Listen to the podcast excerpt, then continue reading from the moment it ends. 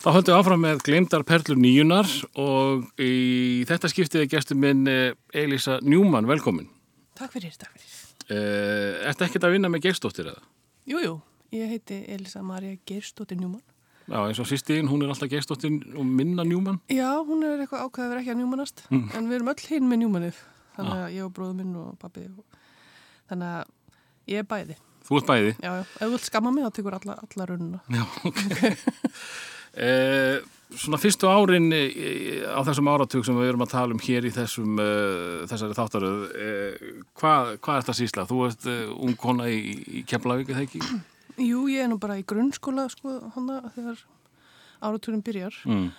Og ég svona, í tíundabökk þá fekk ég að vera DJ eða svona plöðsnúður í skólanum og þá var svona töffræðinni fengu að vera plöðsnúður. Og, og, og var það algengt að konur, sko, því það var alveg bara bannað á mínu heimasvæði sem var fjörheimar, næstu bara við. En svo var hún sýstíðin að segja mér að hún hefði verið dítið þegar hún var Já, í grunnskóla og það fór alveg fram hjá mér. Ég held að þetta var alveg bannað bara þá. Nei, nei, þetta var svolítið svona töff að fá að vera plötusnúður í, þú veist, fríminútum og diskotekum Mhm. og stýra svolítið tónlistin sem að vera að spila og ég notaði þetta alveg óspart. Ég var að spila alls konar tónlist þú veist, sem að kannski var ekkit ægilega vinsal en þú veist, ég kom til dæmis Stone Roses inn og hérna Fool's Gold var orðið bara disco Mm. lag hana í endan og alls konar svona dót. Þannig að mér varst mjög gaman að vera DJ og Birgitta var með mér svo í kollusu var líka. Og Kitty og Hjálmum við vorum allan á saman tíma. Já, ok. skiptust af að voru fleiri krakkar en þetta en var þetta sem sagt meira um þetta í Keflavík fyrir eitthvað í Njarvík að stelpur fengu tækifærið? það Það að bara fengu ekki tækifærið í Njarvík, það var punktur. Ég, það, þetta kom, sko, mér dætti ekki huga, ég myndi ekki fá tækifæri, ég bara ætlaðist þess að ég fengi tækifæri. Það var Og- alveg jæmt, held ég, bara. Já, og, og lítið mál fyrir ykkur að komast inn. Þetta er náttúrulega svolítið stór staða í, í grunnskóla, DJ-in í skólan. Já, ég veit ekki, við bara ákvaðum að þetta var eitthvað sem við höfum áhuga á og það höfum mikið áhuga tónlist, Mm. þannig að við buðum okkur fram og við fengum þetta. Kemur þessi tónlistar áhugi snemma? Já, ég er náttúrulega elst upp í tónlist, það er mikið tónlist heima og ég var í tónlistanámi frá ég á sex ára, Eru fóreldrar þá uh, tónlistarunandi miklir eða, eða var Mikil- mikið sungið á þínu heimil? miklu tónlistar unnendur, það var kannski, ég voru ekki mikið að syngja og svona, en pappi spila gítar og var í hljómsduminu galda, eða svona bílskursböndum einhverjum, Mm. þannig að það var mikil ástriða fyrir tónlist og tónlist var nótuð mikið sem barnapíða bara líka Já, það var bara sett blöta fónin og allir bara ú. og hvað hérna, hvers konar tónlist var uh, á þínum heimaveld? Hva, hvað var pappi að, keira í gang? hann var náttúrulega, það voru bílanir Mm. og Stones, en maður mátti ekki snerta þær blöður Nei. þær voru heilagar og svo rosa mikið svona amerikana það er náttúrulega hálf amerískur Mm. þú veist, það eru Crosby Stills, Nash Young og, og Creedence Clearwater og Neil Young, alls konar svona dóttar í það sem ég fannst hræðilegt. Já, þú varst ekki að kaupa þetta? ekki á þessum tíma, Dolly Parton það fara alveg út í country líka sko. Mm. ég með fannst það umulegt en mér finnst þetta æðislegt núna. Já. ég er búin að þroskast inn í þetta. Það er búin að heila þó mig eitthvað starf á leðinni en hann, já, hann hlustaði mikið á blöður og mamma hlustaði mikið á bílana. Og, svona, og söngaskáld, þú veist þessu Bergþóru en Árna. dóttur og Megas og alls konar svona dótt Það er svona nokkuð mikið kassagítar gull á þínu heimili. já, svolítið En, en lög. eldri, eldri sýstiðin sem að uh, við náttúrulega þekkjum hér uh, á Rástöðu Hulda, var hún eitthvað að, að hafa áhrif á, á þinn smekk? Þú talaður um að hún Já. hefði verið í námi í bandaríkjunum og, og laumaði þér einhverju. já, hún var náttúrulega, hún er tölvöld eldri en ég og Mm. maður leit náttúrulega upp til henni og hún var alltaf mikið að pælitólist þannig að þú veist, hún var alltaf svolítið á skjön við allt sem var í gangi þú veist, hún hlusta á Kiss og U2 á hana nokkuð við hvað U2 var og eitthvað svona Smiths og eitthvað all og maður var lág á hurðinni náttúrulega bara "Uh, hvað er þetta liðst á og hérna, svo fer hún út og er í háskóla þar og er sem sagt að vinna í háskóla útvarpi Mm. Það. fær að fara á alla tónleika og hitta alla og fær alla plötuna maður og ég náttúrulega bara sogaði hérna allt sem var skilið eftir heima í jólafrjónum Mm. bara tók ég og hlustaði bara á pældi og svo senda mig og svona þannig að maður fekk að fylgjast með fyrsta skipt sem ég herði í Sigumólinu var til dæmis frá Ameríku heim, sko. ég vissi ekki að þau var íslenska já, já. ég, fyrir, veist, tengingin kom frá Ameríku og heim í stofu sko. Það er hóttið magna. já, þetta er svolítið svona skemmt En eh, svona eh, eitthvað sem að þú manst eftir eh, sem að var sérstaklega þú sjálf kom ekki frá öðrum, varst ekki að apa eftir öðrum, eitthvað sem er neldi þig beint. Ég var rosalega mikið aðlæta á tónlist. Ég Mm. elskaði bæði svona, þú veist, ég var á, þannig að í Gaggo þá var ég náttúrulega uppgötta meira svona indie tónlist og þetta var svona byrjunin á því að fara inn í þetta breska, breskur nýbylgjúsöldi Mm. en ég elskaði, þú veist, líka svona svolítið svona svo Soul to Soul og, og hérna Deila Soul og allt þetta já, svolítið smá í því líka, Mm. Delight með hérna, Smá disko í því já, líka. svona svolítið þetta var svolítið blandað, sko Mm. þannig að ég veit ekki, ég var svolítið bara opinn ég kom svolítið frá poppinu og svo svona tók ég vingil ég, ég fór til Englands í ennsku skóla við 14 ára. Og þar svona opnaðist líka svolítið fyrir mér, Mm. fyrir breska nýbylgja. Manchester senan Já. var alveg á fullu þá og reið og allt þetta maður mjög alveg geðveikt spennandi, ég vissi náttúrulega ekkert ég var alveg græn en ég var bara, ég verði að hófa að vera með í þessu. Einhvern veginn. Þannig að ég var mjög opinn og ég held að þessi, svona, þetta breska þessi breska tenging var alveg svona genuine frá mér. Eh, En hvað, hvað, hvað var svona þitt uppáhald áður en að breska indi býtuði í rassin? George Michael. Uh, það var, já sko, í þessari ferðanda til Breðlas, ég var náttúrulega í poppinu bara því ég var yngri, ég var náttúrulega bara lítil. Þá var ég að hlusta á AHA og, VAM og bara eitthvað svona, Mm -hmm. Tears for Fears. Uh, því ég fyrir til Breðlas þá var ég að kaupa þú veist, plötu með The Cure hann að Disintegration sem ég átti alveg trillt sko, á saman tíma ég var að kaupa Jason Donovan ok, þú veist, og hérna hérna, maður. especially for you eitthvað og U2 og bara, ég var bara einhvern veginn að finna þetta Mm. en ég meina ég hlust ennþá á Cure ég er ekki alveg í Jason lengur Minna í Jason. já, Uh, við ætlum að keira þetta í gang og, og fyrsta lag er einmitt uh, svona frá diskórun. já þetta, svona, þetta tengir mér rosalega við hérna þegar maður var plötusnúður í holtaskóla í búrunu og horfa niður Mm. og spila með þetta mikið Það var svolítið töff nefnilega aðstæðan ykkar uh, þegar svona á annari hæð og horfið niður á okkur vittlýsingarna. já, þú varst að koma á banka sko til að fá auskalag og maður svaraði ekkert alltaf. Já, það banka hurð og já, síðan banka hurðina já, og banka spyr, svo hvað heldur? Metallica One, nei. Og svo lokaði maður þannig að fyrirgefi allir metalhausar. Uh, fyrsta lagið er sem sé Soul to Soul.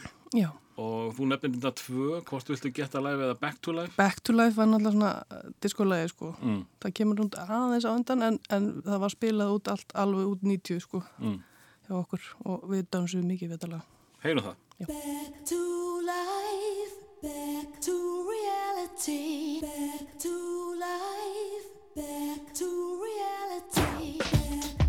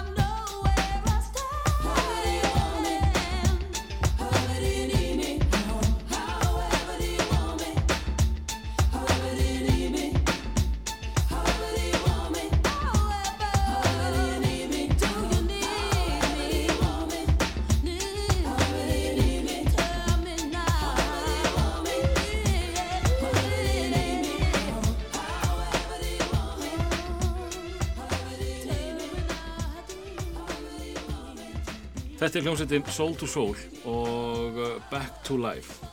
Nú mann ég það ekki en mér minnir ég að hafi lesið einhver staðar að söngkona sem að söng þetta hafi sem sagt, tekið eigi líf með því að ganga inn á hraðbrönd. Ó, guð, ég sé það ekki. Það er bara, bara fyrir löngu síðan, 15-20 ára síðan eða eitthvað. Sko. Vá. En svona skemmtileg staðarind Já, í, í gaman. gott bæsti.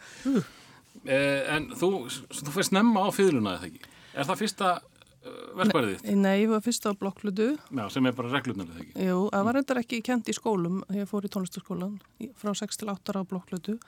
Og svo var ekki að kenna mig meira blokklutu. Ég var alveg húgt á þetta og, var bara, og þá vildi ég fara á selló en það var ekki í búði. Þannig að ég var sett á fiðlu. Nú, ok, Ég var þetta svona- var ekki þitt val. Nei, þetta var ekki mitt fyrsta val, sko. En ég var samfærð þetta, Kjartan Már sem var að kenna mér er núna bæjarstjóri í eh, Reykjanesbæ, hann var mjög samfærandi og send, seldi mér þetta alveg. Þannig að ég fór á fylguna það var ágætt. En sko, tók það ekki mörg ára að sætta sig við tónana sem þú varst að framkalla? Því Jú, fyrstu árin eru svo erfið. Þetta Það er að mjög- alvöru tónum í mjög erfitt sko. Og ég er með frekar held ég gott tónera Mm. þó sem ég segi sjálf, ég heyrði alltaf þegar ég var að spila vittlust, allan tíman og mér fannst það mjög erfitt og mér er að þegar ég var orðin nokkuð góð fannst ég mér enn, ég var ennþá að vera rosalega léleg Mm. þetta er svona rosalega skrítin hérna sálfræði, en fylglan er alltaf bara frábært hljófari til að læra og það er eiginlega það erfiðasta og þú fær bara rosalega góðan grunn Já. ef þú masterar eitthvað á þessu Eh, En, en sko, bara að því þó þú sést ekki að spila falskt, þá er fyrstu surgin, þú nær aldrei fögurum tón til að byrja með, það nokkuð? Nú þekki ég það ekki. Jú, þú þú þarft að getur svona eitthvað svolítið til þess að komi. þú getur alveg nóg fallegum tón sko bara að opna strengina Mm. en svo þarf það að æfa því að, að hitta á rétt á staði, það er náttúrulega engin bönd eða Nei, rétt, þú veist, þú ert að heyra þetta rétt á tónin og halda rétt og Og var það oft sem að uh, þú varst að gefast upp eða varstu bara að hörða á þessu allan tíman? Nein, ég var alveg rosalega liðlugu nefandi held ég. Nei, ég var mjög, mjög gaman. Ég elska tónlist og ég elska að spila og elska að læra lög. Mér finnst rosalega gaman að hlusta og kenna mér að spila og læra nýja lög og heyra, þú veist, lögin. En ég vildi gera mín einar útgáður, þú veist. Ég var ekkert vola mikið fyrir að taka skalana Mm. og þú veist, það var svolítið svona, Súsuki aðferðin hefði hendað mér mjög vel sem Já. er að læra eftir eira. Það var ekki búið, ég skildi ekki tónfræðina, þú veist, ég var rosalega lítið bara með eitthvað dáðuranda bara hvað er að gerast. Þannig að, en mér finnst, mér finnst þetta alveg þessi virði að hafa gert þetta og ég reyndi að hætta nokkur sinnum en það var ekki búið.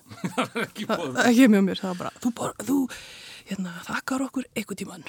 En, en sko, að því þú varst tónlega, tónlistar áhuga kona mjög snemma og uh, ekki margar fyrirmyndir með fiðlu í poptónlist þá. Já. Uh, Jú, Maggastína. í- hún var náttúrulega ekki orðið mjög ábyrgandi þarna. Nei, nei, nei, það kemur sérna þegar ég er alveg að fara að hætta á fjölinni. Já, það. Já. Hún heldur efnið aðeins lengur. Já, hún síndi mér alltaf að það var hægt að nota hana Mm. í hljómsveit á þess að það sé mjög veist.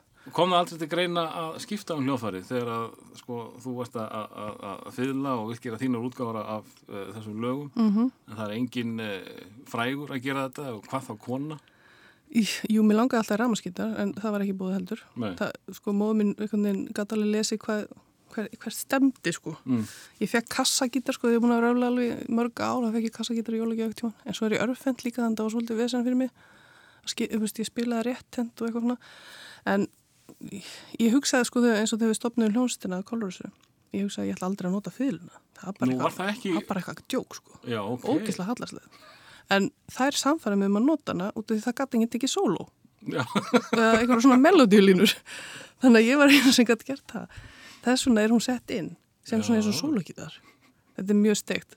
En svo fattu við að þetta virka bara, þetta er svolítið töf og þú svo náttúrulega fer ég einhverja megamótru og sarga náttúrulega á hana og trillist á huluna bara tek út alla mína gremju yfir öllum skölunum já. í kolursuðu og mér finnst það bara aðeinslegt þetta var bara mín leið til að tjá mig. Árum fyrir nánar í, í Kolrössu uh, hérna, fáum uh, næsta lag. Já, og þú varst að taka þetta í svona nettri tímaröð. já, svona allavega byrjunina.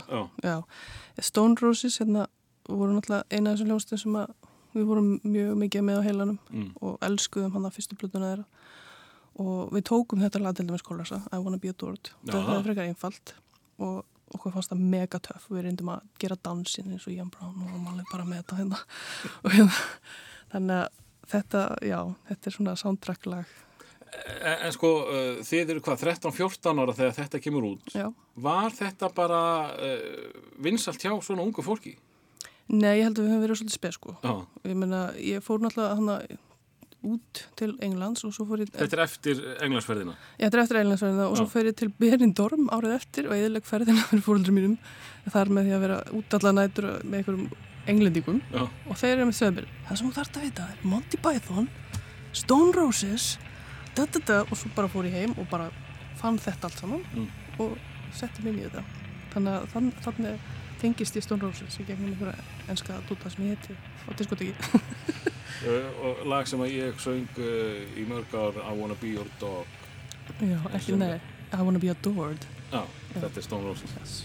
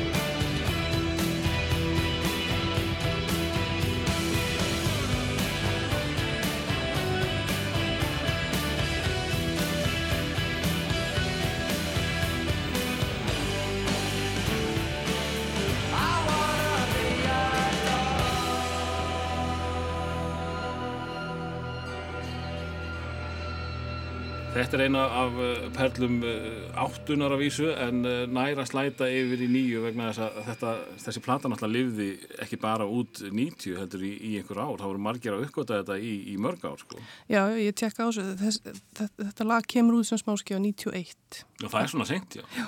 En þá, Að plötu sem kom út 89. 89, já. Þeir eru að gefa út smáskjöfur af þessari plötu alveg til 92. Þannig að öll lögin mm. ógislega flott. Þannig að þeir mjölkuðu þetta alveg, sko. Uh, varst, það, varst það eitthvað að músíkast uh, fyrir utan uh, herbyggið þitt uh, áður en að Kolvarsa verður til uh, varstu að fyrta í einhver öðrum sveitum? Nei, þetta var rauninni þegar við st- hittumst þannig stelpunar í, í holdaskóla. þá var það svona úlingaskóli, Gaggo Mm. og einhvern veginn byrjum að mynda svona tengsl þar og erum að hittast að diskotekum að dansa við skriknulegin og eitthvað svona og, þú veist, og vorum oft með svona atrið og ássatíðum og eitthvað svona, vorum algjörlega óþálandi þú veist, syngjandi eða með eitthvað gjörning eða antistrip og þetta, þetta svona Hvað er antistrip? antistrip, þá erum þá erum við, semst, förum inn á svið í, í, í lengu og klæðum okkur í ógeðslega mikið af fötum Já, ok. þetta var svo töf Og var þetta vinsælt? Nei, þetta var gert okkur ásáttíð og hérna held að tíundabekkur, við vorum þá í níundabekkur og tíundabekkur lappað út sko. það var alveg svona, þau voru svo fúl út í okkur bara, akkur fá það er alltaf að vera með eitthvað atrið og svo stofnum við hljómsveit sem heitir Menn það er fyrsta útgáðan af Kolossu þetta var alltaf hvernig hljómsveit? Já, þetta voru alltaf við fjórar. Og hérna, menn voru bara, þau voru með Gago 14-15 og við byrjum að spila einmitt á svona skóla upp, upp á komum og vorum að taka coverleg og eitthvað svona, þetta var alltaf eitthvað svona óvalega mikið grín, boys don't cry og út af því það við erum stelpur og við heitum menn og eitthvað, veist, það var allt eitthvað svona brandarar En- sem en- enginn fattaði nema við. Og hefur náttúrulega alltaf verið þannig eftir það. En, en hérna, sko, var þetta bara félagskapur sem að ákvað að fara í hljóðfæri eða kunnu þið á hljóðfæri og ákvað að gera um hljóðsveit? Nei, nei, við kunnum ekki neitt sko. Nei. Veist, ég var Þú náttúrulega búin að það fannst mér. Uh, ég hafði aldrei sungið neitt aldrei En þú varst samt ákveðin sem Já, það var söngkona? þetta, ég var bara mikið töffari, þú veist, hárið á mig var rétt eða eitthvað, þetta var eitthvað svona bara rugl, sko.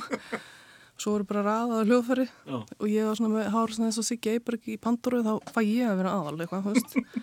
og hérna, uh, Bibi hafði lært aðeins á píano og var aðeins fann að læra bassa og, og Sigrun hafði farið á vinnukonu gripa námskeiðið eða eitthvað, þú veist, þetta var bara eitthvað svona. Mm. Svo bara fórum við að ákvæða með þetta að vera töff. Þetta var auðvitað besta leiðin til þess að neyksla sem flesta á sem stiðst, veist, magnaðasta hátt í keflæk. Það var svona mikið rebellion í ykkur stelpunum. Já, við, þú veist, Þið vildum hengsla. við vildum bara, já, við vildum bara fá aðtegli og það skipti enga máli hvernig við fengjum þessa aðtegli. Mm. En á sama tíma uppgötuðu náttúrulega þetta bara var ókislega gaman.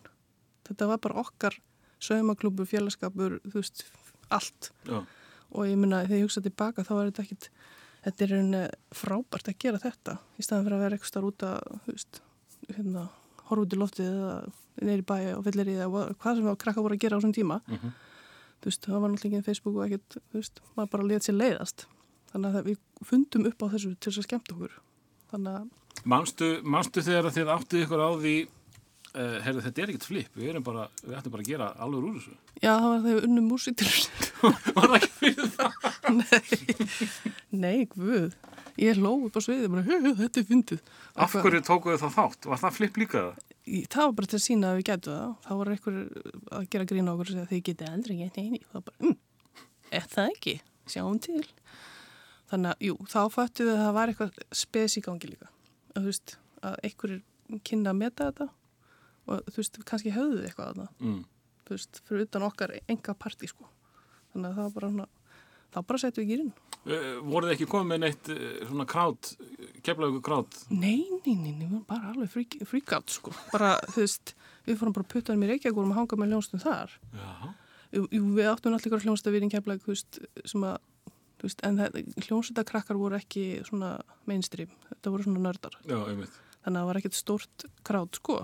Hvað, hvað var í gangi í Keflavík á þessum tíma þegar þið eru komin á gafi í Indíð og skrýtnu hlutina?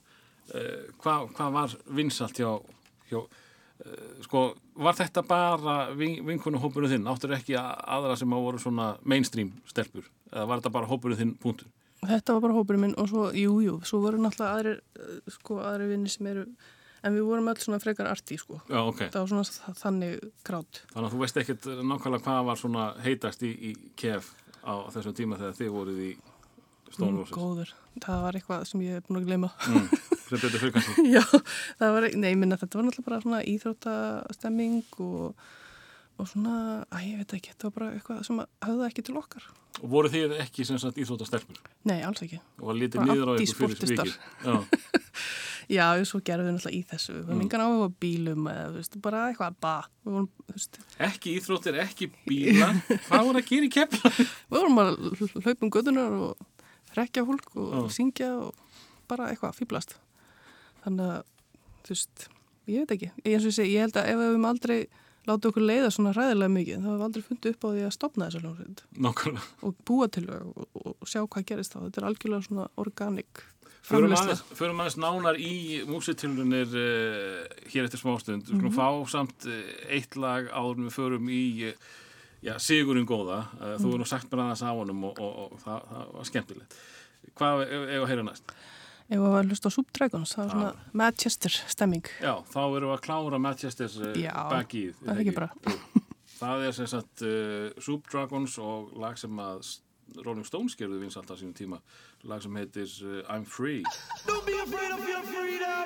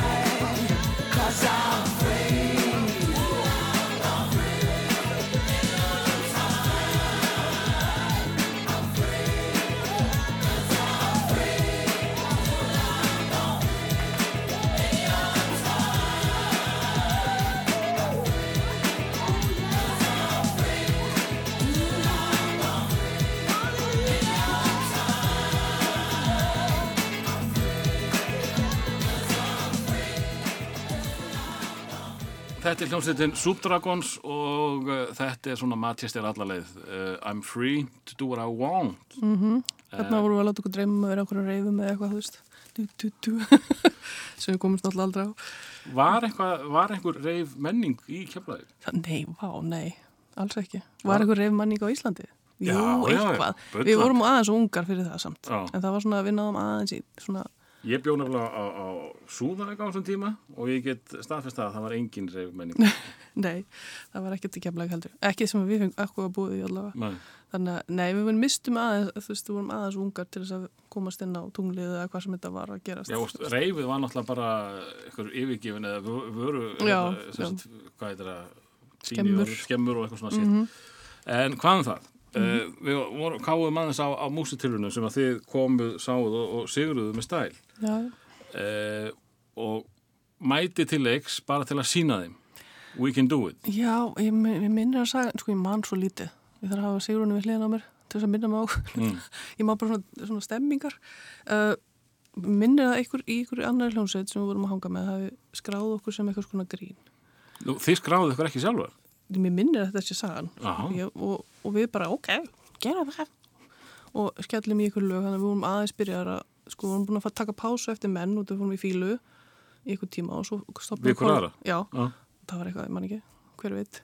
Og hérna, svo stopnum við aftur í, þegar við erum að fyrsta ári í fjölbröð, Söðunesja, og það er kolrasa. Mm. Þannig að við vorum bara búin að starfandi í þrjá mánuði eða eitthvað, þú veist, bara mjög stutt þegar við förum í, í músitilunir. og, og uh, sko þið skráðu hva, hversu löngu fyrir keppni Bara eitthvað tíma þannig, tveim mánuðum áður eða eitthvað. Að Hendum í þessi lög. þannig að þið verðið að fara að semja þá til þess að geta verið með Já, við erum alltaf sami, sko. Já, All, þú veist, það er ekkert annað búið, maður getur ekki spilað neitt af þessum lögum. Þú veist, það bara séum maður lag. en það er ekki pöngið. Þannig að við erum alltaf sami, en við ákvað, við svona, vorum svolítið fókusir á hvað við ætlum að gera. Og við vorum með þessi, þú veist, ákveðnu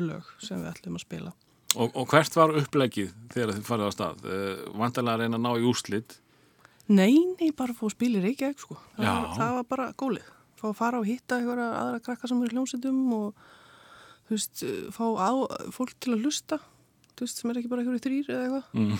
og bara fá að fara í Reykjavík það var eiginlega gólið þá og svo bara náttúrulega breytist það þegar við komum áfram með fyrsta kvölduru þá var náttúrulega bara, ó, já, nú, nú komast í úslita þú veist, top 3 eða eitthvað en svo fattaði ég sko á úslita kvöldinu þegar við vorum að spila að það var eitthvað að gerast var svona stemming. Fannstu, fannstu eitthvað? ég fann stemminguna, Já. þannig ég hugsaði, ú ef við neglum þetta, þá erum við að vera að vinna. Já, hafður já, ég fekk þá tilfinningu, Já, ok. En það bara gerist þannig upp á sviðinu sko. Já, bara þegar þið eru komin úrslit kvöldið Já, upp á svið bara. Þá hugsa ég, ú, ok, yes. En stelpunum var bara, já, sjöndrin þetta er aldrei að vera að gerast. Bara, bara, hún var eitthvað klikkuð. Og svo náttúrulega undu við. Þær földu sér bara undir stigar þó ég fær upp á svið og þetta draga þær upp á svið og allir döður okkar er brjálæðir Já, þetta var í miðju dauða rockinu, þegar ekki? já, Og, og voru ekki flestar hljómsveitina sem keftu bara í ég held að þeim það er 90% 90%? það verið döðarokk sko. Og, Og í fólk- öðru og þriða setu voru döðarokkljónstir Já, Þannig að við svona spörkuðum svolítið í döðarokkið og komum hann inn með okkar útgáfa þessu indie tó- tónlist sem Mm. við heldum að við varum aðeins með svona eitthvað bresk nýbylgja sko en þetta var alltaf bara eitthvað þjóðlega punk frá veist. En við svona vorum að reyna að varpa því fram svona einhverju indie stemmingu. Þannig að við kannski opnum litla hurð fyrir því. Getur, getur við sagt uh, að uh, Kolrasa krókreðandi hafi drepið dauðarokkið á Íslandi? og var það ekki döttað döðarokk nei, já, ég veit það ekki. Nei, nei, við vorum bara rétt um staðar réttum tíma, en Já, ekki, jú. ekki svoleiðis. Jú, Jú, við kannski mér vantar bara Svona- góða fyrir svo Já, við dráðum döðarokkið. Þetta var bara svona moment Já. og þá byrjaði kannski eitthvað svona indie stem, svona stemming fyrir, í músutilunum. Og, og, og uh, hvað gerist, sko bara, þið, þið kallar upp á svið, þið, þú nærð þeim undan stiganum Mhm. og bara þegar þið eru að lappa niður að, sviði, var hæf, fæf frá, frá hinum böndunum eða Nei, það var svolítið fíla, sko. það var fíla? Já, já. Og þær þorði ekki bara svið út þær heldur að eru þið landar, sko. Ég er ekkert að grínast. Þannig að, en svo breytist það, við vorum samt að sp- hanga mikið með döðarokkljónstum og spila með þeim og, og við vorum rauninni bara teknar inn í inn í senuna, Mm. svolítið, eftir þetta. Auðvitað er keppni í fólki og þú veist, fólk er fúlt þannig, Mhm. en svo var það bara búið Þú veist, og við vorum þetta sumar sem við unn- unnum, við vorum að spila alls konar tónleikum bæði með svona indie hljónstum og döðarársljónstum, bara Mm. jafnt sko. og þetta var rosa skemmtilegt skemmtileg sena. Og, og varstu þá farin að spila fyrluna með? Já, já, fylgan kom alveg inn strax bara nokkuð fljótt. Já. og það, það þurfti eitthvað að taka sólóðun sko. Og, og, og manstu hvaða lög þið tókuð í, Í já, ég held við hann tekið vögguvísu og við tókum lag sem heit St- Statement sem við mandar spila aftur. Við bara heyrði það í einhverjum þættum daginn með Andri Jóns bara, wow, þetta er ekki þetta og svo er ekki alveg manni ekki alveg sko, hvað meira. Það voru þrjú lög, já, það var eitthvað tvö lög sem enduðu svo drápu fyrstu blöðun okkar. Einmitt. Er ekki verið vögguvísu og, og eitthvað kona eða eitthvað, ég veit ekki En, en og í framhaldi þá, þá hérna farið að spila út um allt og eru orðið svona bara alvöru band í augum annara. Já, Hættar að flippa eða? nei, nei, það hættir aldrei Nei. það er bara partur af hljónstinni er það það er eitthvað svona innan hús djók í gangi alltaf mm. vorum með stillulegi þú veist vorum alltaf að stilla på sviðinu og svo bara byggum við lag úr stillingunum og allir bara guðið mig góður er hættið þið okkur fannst það ekki að þetta fyndi stillulegi og alls kom saman oft með intro á tónleikum. Mm. þú veist hvað á við að hafa intro núna? Við erum ekki að geða þetta fyndi og þú veist everybody dance now í döðar og sútgáðu eða þetta, þetta allt eitthvað svona í dag, gangi en ég veist það er að fara yfir hausina öllum nema okkur. Og hún bara, þetta var okkislega fyndið. Það var bara en þú veist, þetta var bara okkar skemmtun. Uh, Eða að fara í næsta lag? Já, eh, mér langar svolítið að spila rætt Mm og það, það var svona hljómsveit sem hafði rosa mikið áhrif á okkur líka. Frá Ox Oxford. Og hérna þeir svona plataðir að Nowhere og svona opnaði huga okkur algjörlega fyrir svona shoegaze Mm. hérna senunni og svo fara þær inn í Britpopi svolítið. Þannig að við fylgjum þeim alveg og bara dyrkum það og dáum og, veist, og mér finnst þeir ennþá æðisleir Voru þetta á einhvern hátt einhvers konar fyrirmyndir í, í, í, í tónlist? Já, algjörlega og þú veist, og ég tengdi rosa við þetta að þetta var frá Oxford og þar hefði ég verið í skóla, í ennsku skólanum. Mér fannst þetta eitthvað vera svona mitt eitthvað. En voru, veist, þetta er svona surgpop Já, já, og náðu það surg að nota þar fyrluna til þess að ná? Já, já, við notum fylguna alveg óspart að, og settum overdrive á fylguna og bara, þú veist gerum allt sem gátum til þess að búa til eins mikið háa og við gátum. Ertu mikið að syngja og spila á sama tíma? Nei, Er það ekki hægt eða? það, ef ég syng og spila sama Já. þá get ég það, Þá getur það. ég hef gert það nokkur sinnum en þá er ég bara ný, ný, ný, ný, bara alveg eins. En þú veist, það er mest hérna bla bla bla bla bla og svo skipt, já. þetta er alltaf, maður er veist, þetta hendar ekki dvolega vel að vera með fyrluna og í mikrofónunum Já, þú veist öll svona hálfpastin í keng þú veist að, að spila fyrluna einmitt. Og þá er ekki mikið loft sem að kemst í, í gegnum Nei,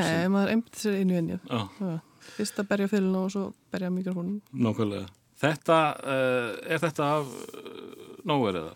Nei, þetta er, kemur út setna næstu plötu hérna Going Blank Again sem var svo, svona, svona bæði sjúgeis og svolítið svona, svona Britpopi Mm. og Twisterella er svona hittari hjá þeim svona svolítið skemmtilegt Ok, þetta er glemt Perla Nýjunar, þetta er hljómsveitin Rætt.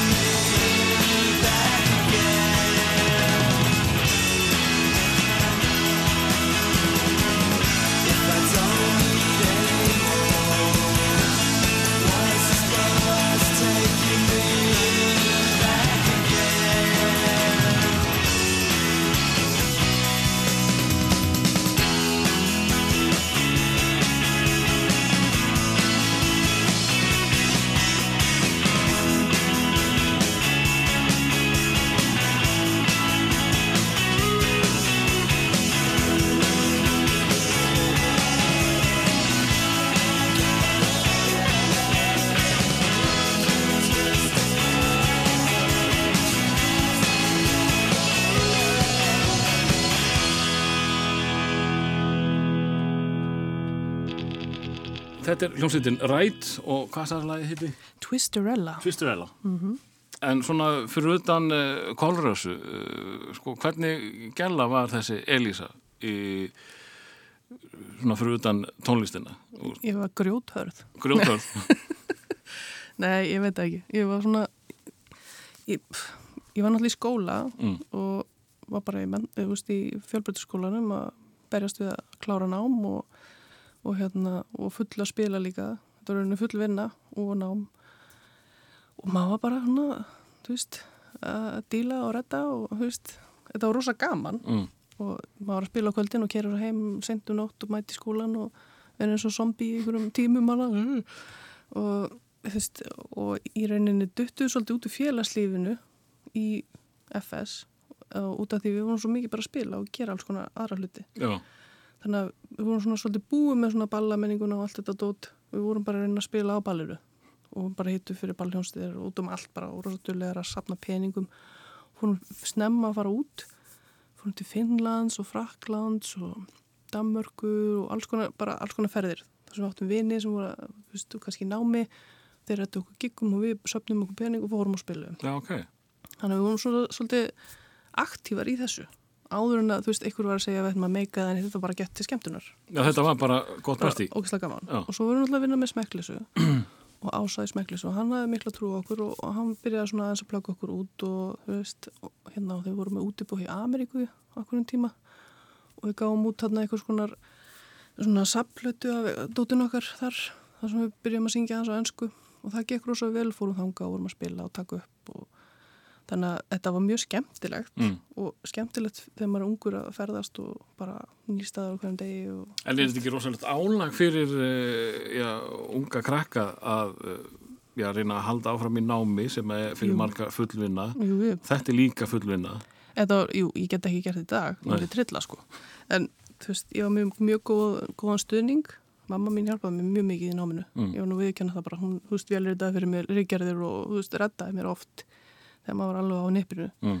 En það var líka, þú veist, hennar, sko, svona, hún saði í rauninu við mig, þú veist, ég skal stuðja alla leið með þetta, hljónstina, og bara hjálpa ykkur alveg trillt, sko, en þú verður að klára skóla Já, ef þú hættir í skólanum þá frýs ég á þetta allt. Og hjálpaði ekki neitt. Og þá náttúrulega var þetta svona "Í, ok, þú veist, hún var rosa klár uh, með peninga og bara hjálpa okkur rosalega mikið með svona praktikal já, já, já, var hún, já, hjálp ykkur með svoleiðis Já, hluti. Já, já, þannig að við þurftum svona svolítið svona eitthvað, akkeri Þannig að þið voruð með mömmu. já, Í nú eina hljómsveitinni. mömmu á liðinni sko, Já. aðeins að passa þannig að En hún stutt okkur alveg ótrú, þú veist, stoppaði okkur aldrei í neinum æfintraferðum með neitt, sko, bara, Ekkert, ekkert öll sem að eftir fylgdu. neinin, Nei. alltaf bara stutt okkur, stutt okkur alveg brjálæðislega, sko.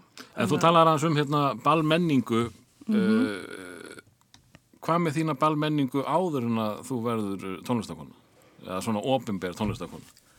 Valmenning, hvert að minna hvað böl ég fór á? Já, hvað hva, hva var fólk að gera þarna í Suðu með sjó. Suðu með sjó?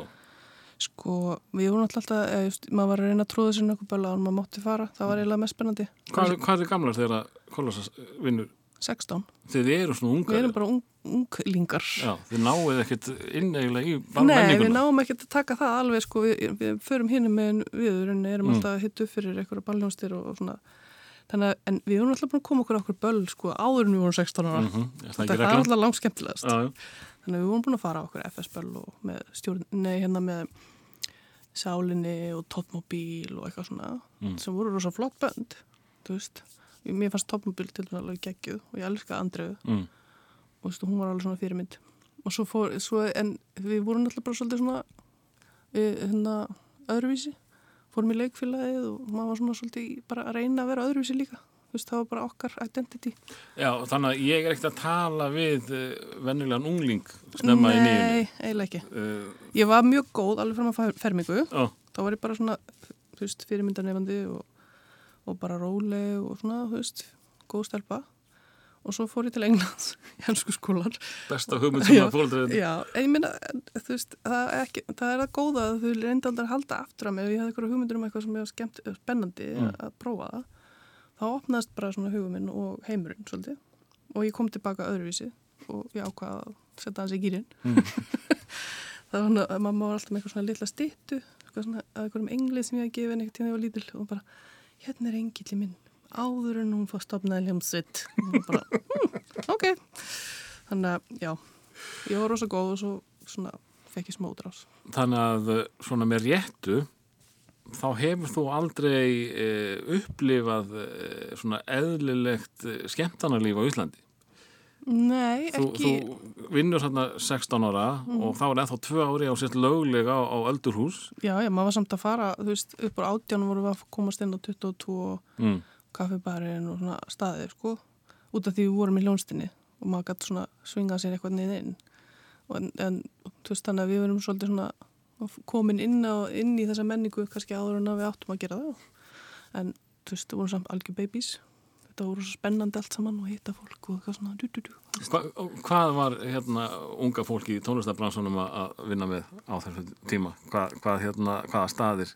Þú, þú nefnir þetta 22 Já, það var Rosenberg kjallarinn líka, þegar það var rock eða disco. rock. Já.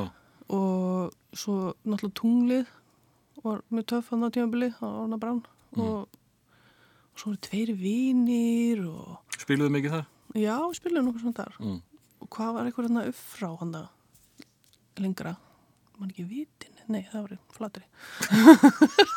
Ég veit ekki. Það voru alveg slatta stöðum til að spila. Já. og svo spilum við náttúrulega öllu mentaskólum Mm. þannig að, og bara, Ég, ég, sko, það var einhvern veginn allt öðru sér heldur en þetta er núna, þið eru náttúrulega frekar þungar og þið eru frekar indie. Mhm. en þið komust á uh, ef að segja uh, framhaldsskóla spennan. Já, já, þetta var alveg þú veist, var, var, það kannski bara hvernig stemmingi var á landinu í þá daga þetta var kannski, ykkar tónlist var kannski bara hip-hop hip í dag Já, kannski, svolítið Já. svo leis. Við vorum alltaf svolítið svona spennandi líka og það var öðruvísi. Mm. Þú veist, þetta var, getum ekki hort fram í þau, við vorum alltaf stelpur sem var ekki mjög algengt og þú veist, og tónlistin var kannski, hún var svolítið þungfist en svo færist við aðeins yfir í poppaðara sound, en Mm. við erum samt alltaf með þetta svona, já það er indie sko. Þannig að, og svo bara er menningin allt öðruvísi, þú veist, það var bara miklu meira um tónleikahald held ég Já, og hljónstir og, og svo vorum við að, uh, kannski rotta okkur saman nokkrir, nokkrar hljónstir að fara saman að spila, þú veist, fórum, þú veist, vorum í Fire sem er svona, var svona bandalag hljónsita, þú veist, það var Púf og Körver og við og hérna Stillumsteipa, við tókum nokkur gig saman, það er nú svolítið þungt já, hvar verður hún að gíslega gaman, Já. gáum út sapplötu og þetta bara, þú veist, þetta var bara einhvern veginn svona skemmtilegu tími mm. mikið að gerast í þessu þessum senu og kannski já, kemst svolítið inn í, í mainstreami kannski.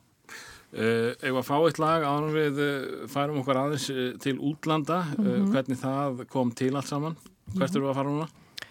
Eða að kíkja á Búrallis. Mm -hmm. Búrallis, já, þeir eru náttúrulega breskljónsið líka og þetta lag hann að Lazarus. Þetta fannst okkur alveg toppurinn á tilverinu. Við fórum í plötubúðun á lögveginum og hann spilaði þetta fyrir okkur. Hann vant eina smáskið af þessu og spilaði þetta og við stóðum hana fyrir frá hann borðið bara, wow! Og svo þetta hann að panta þetta fyrir okkur og maður býðið tvær vikur. Og við fengum okkar eintak. Það er svo mikið dóri í flutubúðinni Já, þetta var æði. Það þetta vera tilbúið á morgun Saði á morgun, eftir tvær vikur Já. Nei, það eru þrýr mánuðir En eh, við byggðum alltaf spenntar og þólumöðar eftir plötunum. Lazarus, er þetta á sömu plötu og Wake Up Boo? Já. Já, ég nefnilega, sko, ég á plötuna Mhm. En með árunum það mamma bara eftir Wake Up Boo Já, það er svona popparinn, sko, pophittarinn. Lazarus er svona, svona kvöldhittarinn, sko. mm. Það er rosa lang, byrjun, það er náttúrulega lengri og stýttri útgáðan. Mm. En svo er þetta alveg ótrúlega flott. Heyrum hér í Búrallis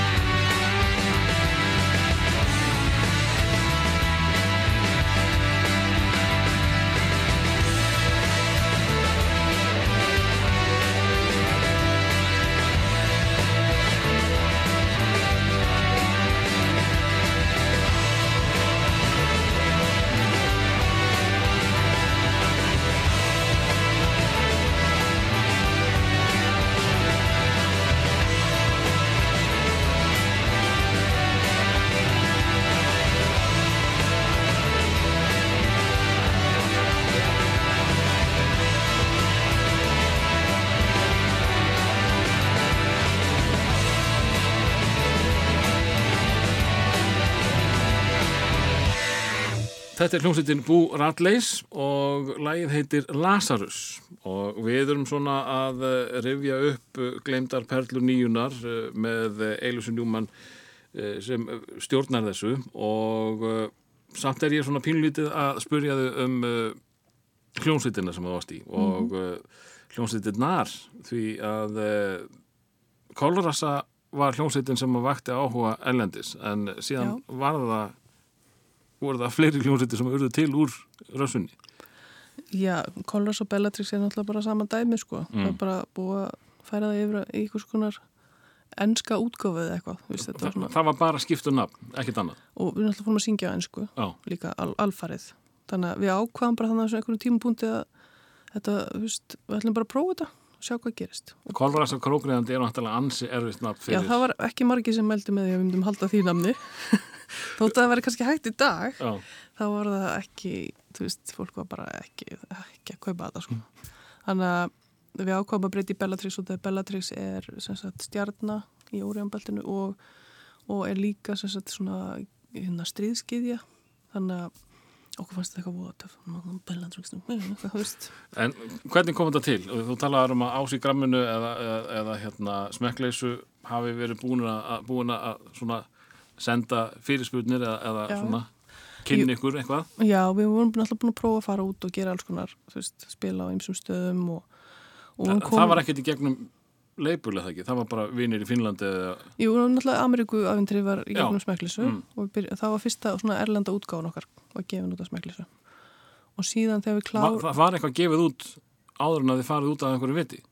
Já, það var gefin út hérna Stranger Tales Já. sem er svona saman, samansapna fyrstu tveimur eða þreim plötunum okkar Og voru þar íslenski texta líka Já, það var svona í bland sko. Já, ok. eitthvað var sett yfir á ennsku og eitthvað var haldið á íslensku og og síðan kláru við sístu plötun okkar með smeklisu kvöldur í kvennar á, þá vorum við búin með að gera þrjár plötur.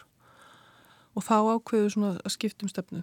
Við hugsaum bara, við erum búin að gera allt sem okkur langar að gera hérna, við erum búin að spila alls allt, við erum búin að vera með vinsalög við erum búin að gera, þú veist, hvað getum við gert meira til þess að gera þetta skemmtilegt? Mm.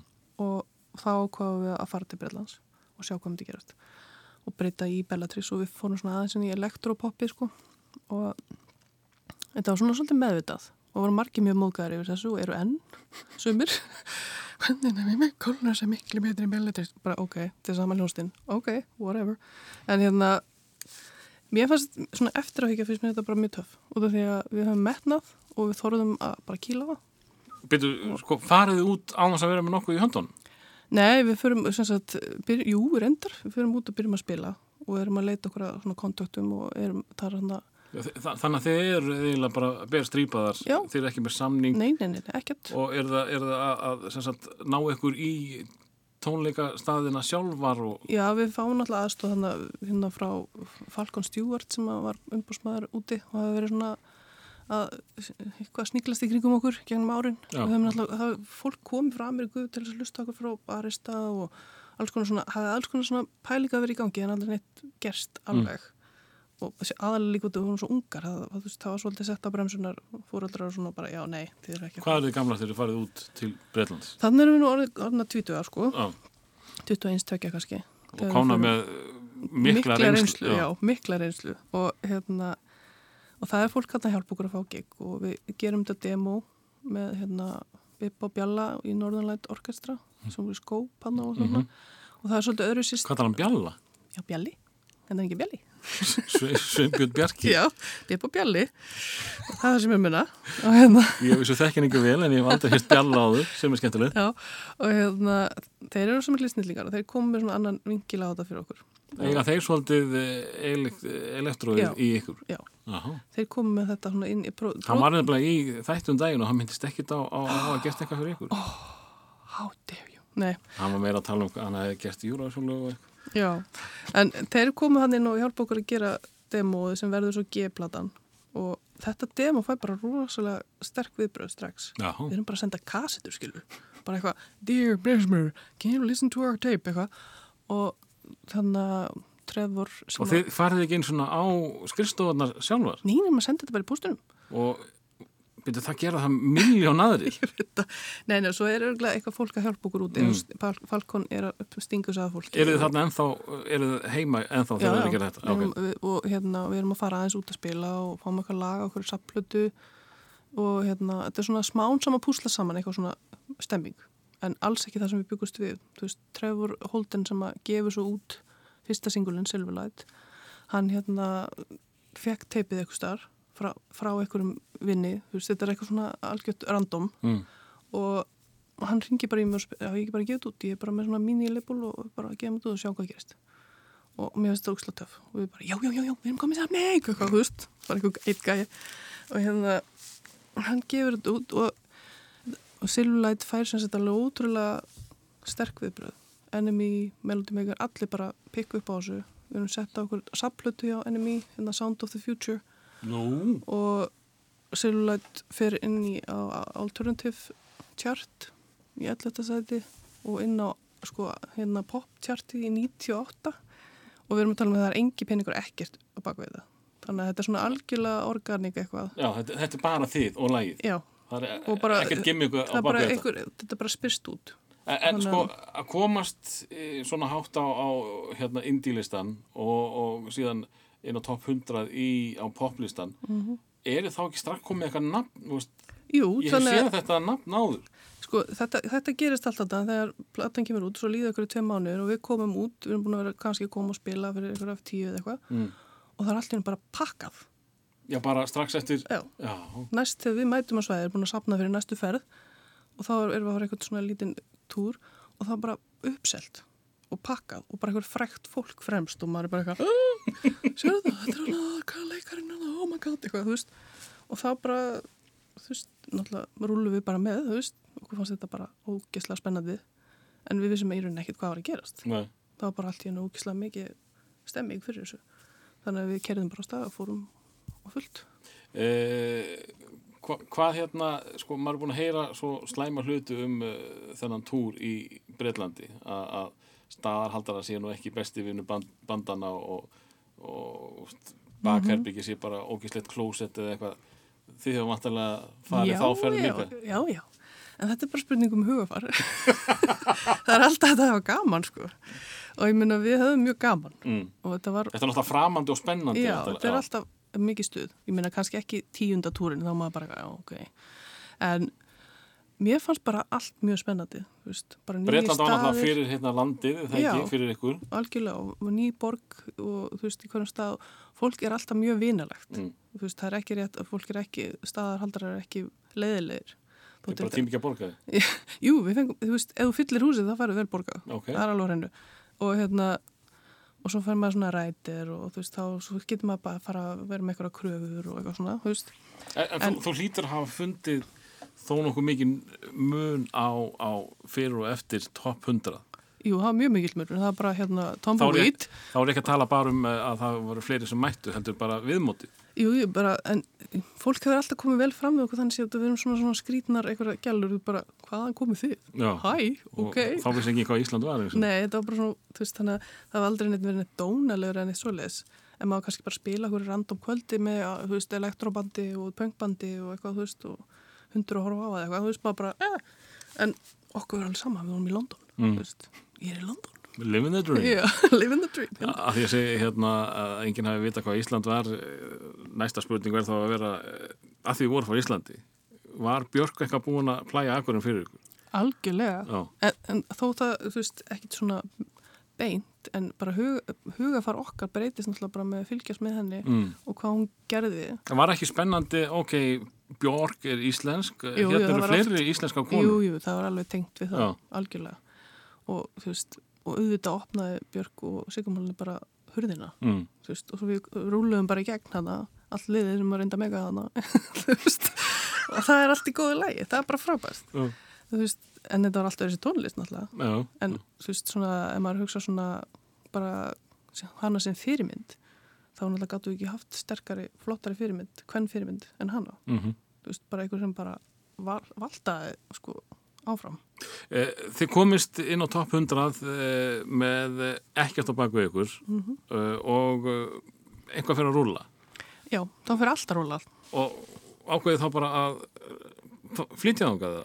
Let's do it. Já, það var eiginlega þannig. Við Er það bara eftir fyrsta singul sem að, Nei, við tókum hann tvo túra, Mm. við tók, gerum, gerum Silverlight, Silverlight og svo kom út annar lag sem heitir Crash og við verum, og, og þá svona, þetta svona gerist þarna um haust og svo vor og það er bara ótrúlega margt sem gerist á þessum tíma. Við förum tvo svona hérna uppselda túra um Breitland og stekka svolítið og þannig að við hugsaum bara þetta er okkar veist.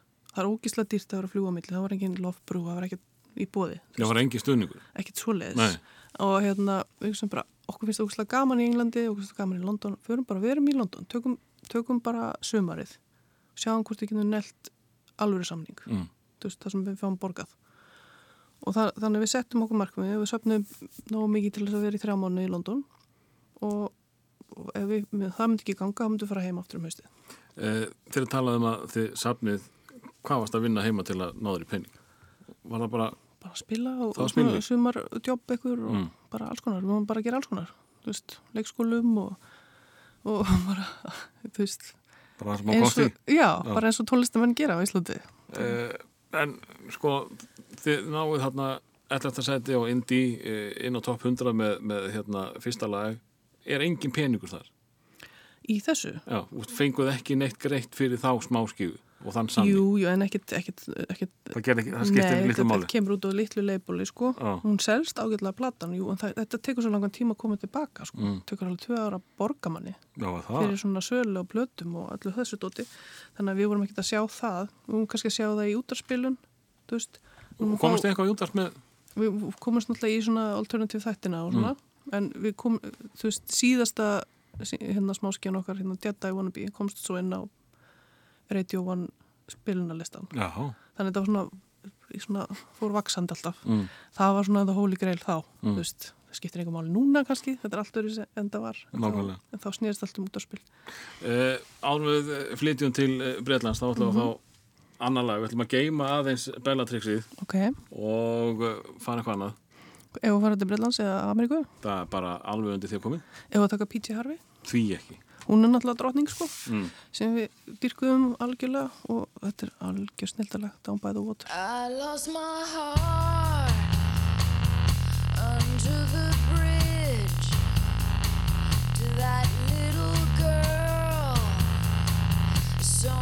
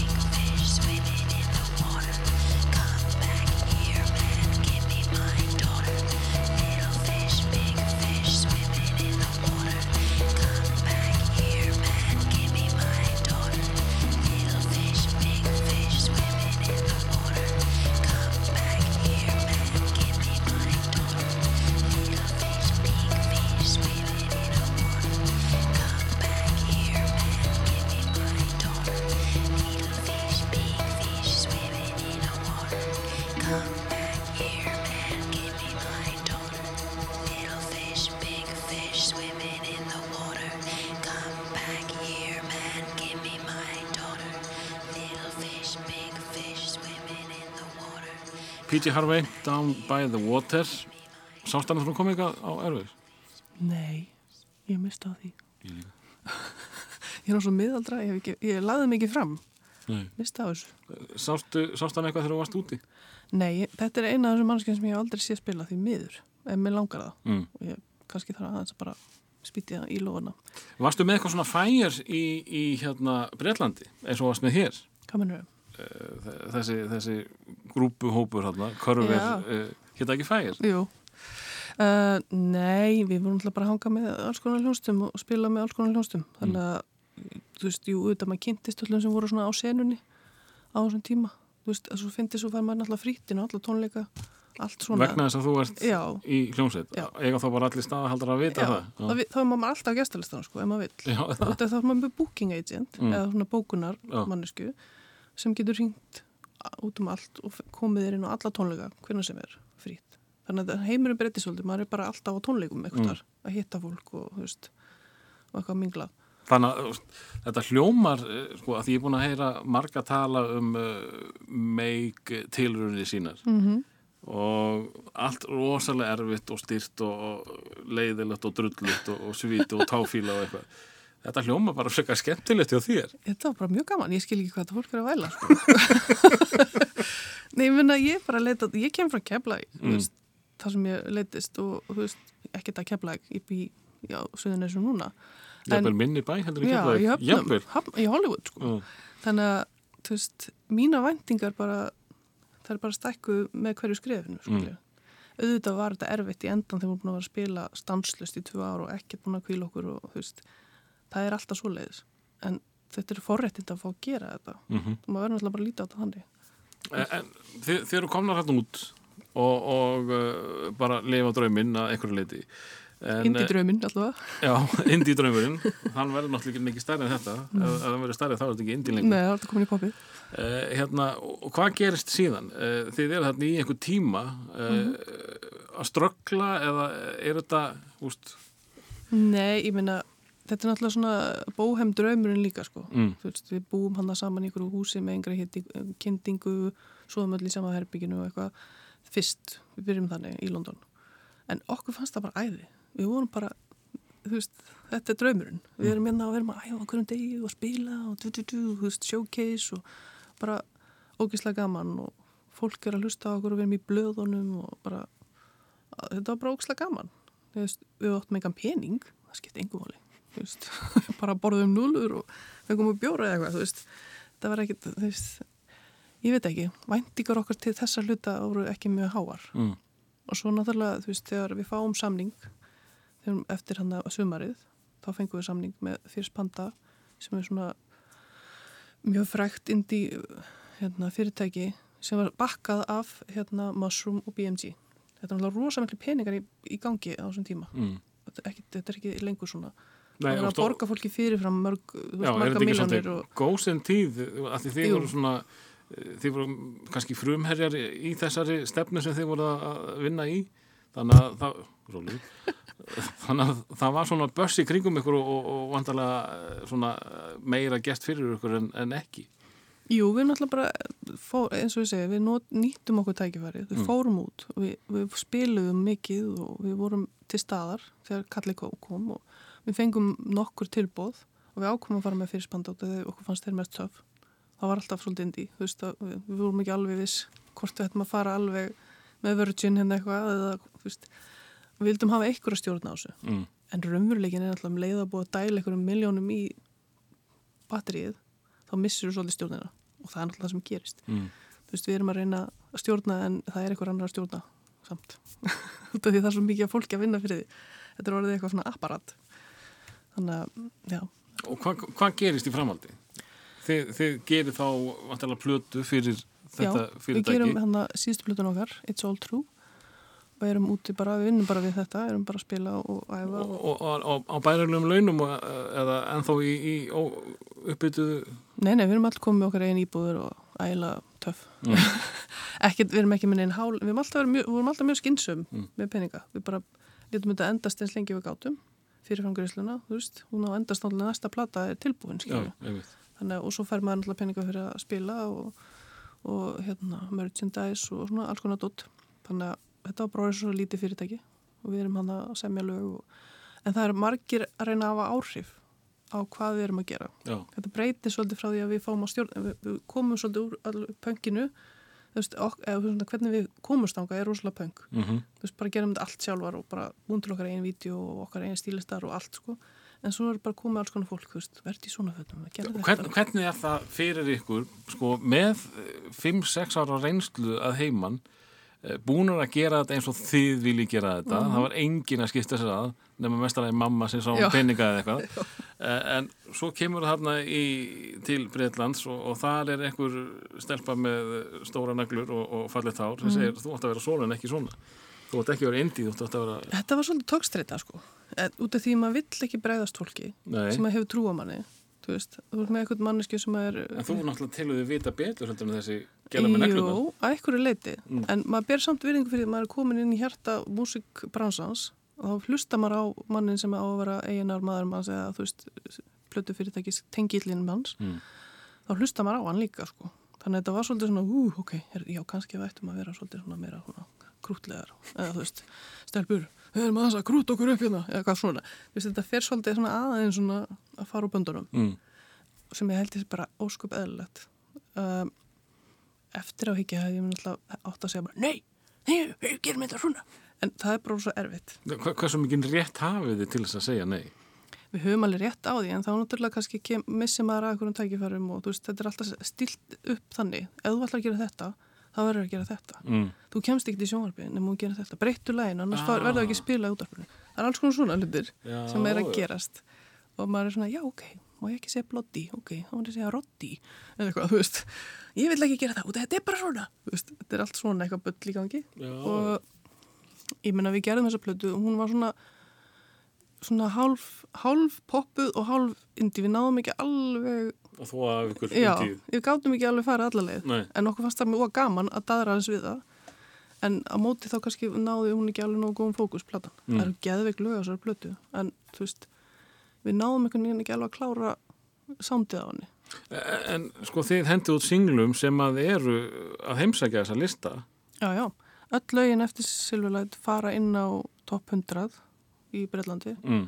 smán saman hækka og hækka og hækka og enda með því að sem sagt, Jedi Wannabe kemst þannig í útarspilun og fer upp í 61 eða eitthvað Mm.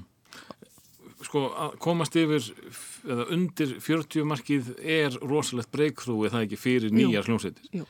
Það, Það var í rauninni, sko, það sem plötufyrirtæki ætlaðist til, Mm. er að við komumst inn á topp 40.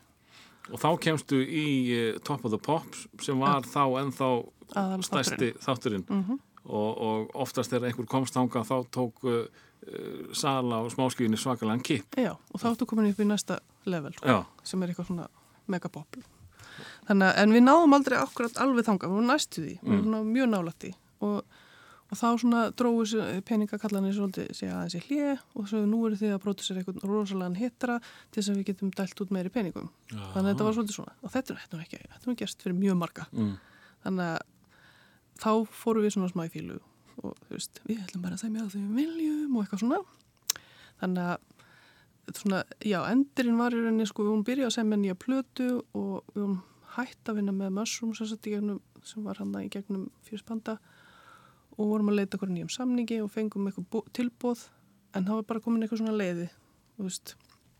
Að við ákvaðum að taka pásu í sex mánu og það endist í tíu ár þannig að leiðu leið stígur af þú Já. brjálæðinu Mm. þannig að bara wow, Erfitt að fara inn í það já, náttúrulega- og fólki er náttúrulega bara, við erum búin að vera aðeins sem 16 ára, þú fólki bara orðið fullorðið, þú kannski 24, 34 ára sem er kannski ekki endilega full nei, ég minna, en þeir langar kannski að gera eitthvað annað. Já. við erum búin að vera 17 í 5 ára eða eitthvað þannig að einhverju langar að fara í nám einhverju langar að bara, þú veist, Já, þetta stoppar, þetta stoppar allt, uh, badnignir, sambönd, já, svona, og bara rækta fjölskyldu tengsl já, við erum, við erum bara fjárverandi Mm. að öllu leiti veist, og þetta hefur náttúrulega áhrif á okkar persónlegu sambönd og, og fjölskyldulíf og alls konar vinnur okkar voru kannski farin að búa og þú veist, búið með há- háskólanámi og við vorum bara ennþá eina bara wú, hvað gíkir hérna, tjí, þú veist, okkur ról þannig að sumi vildi bara fá að prófa Já. að lifa eðlu lífi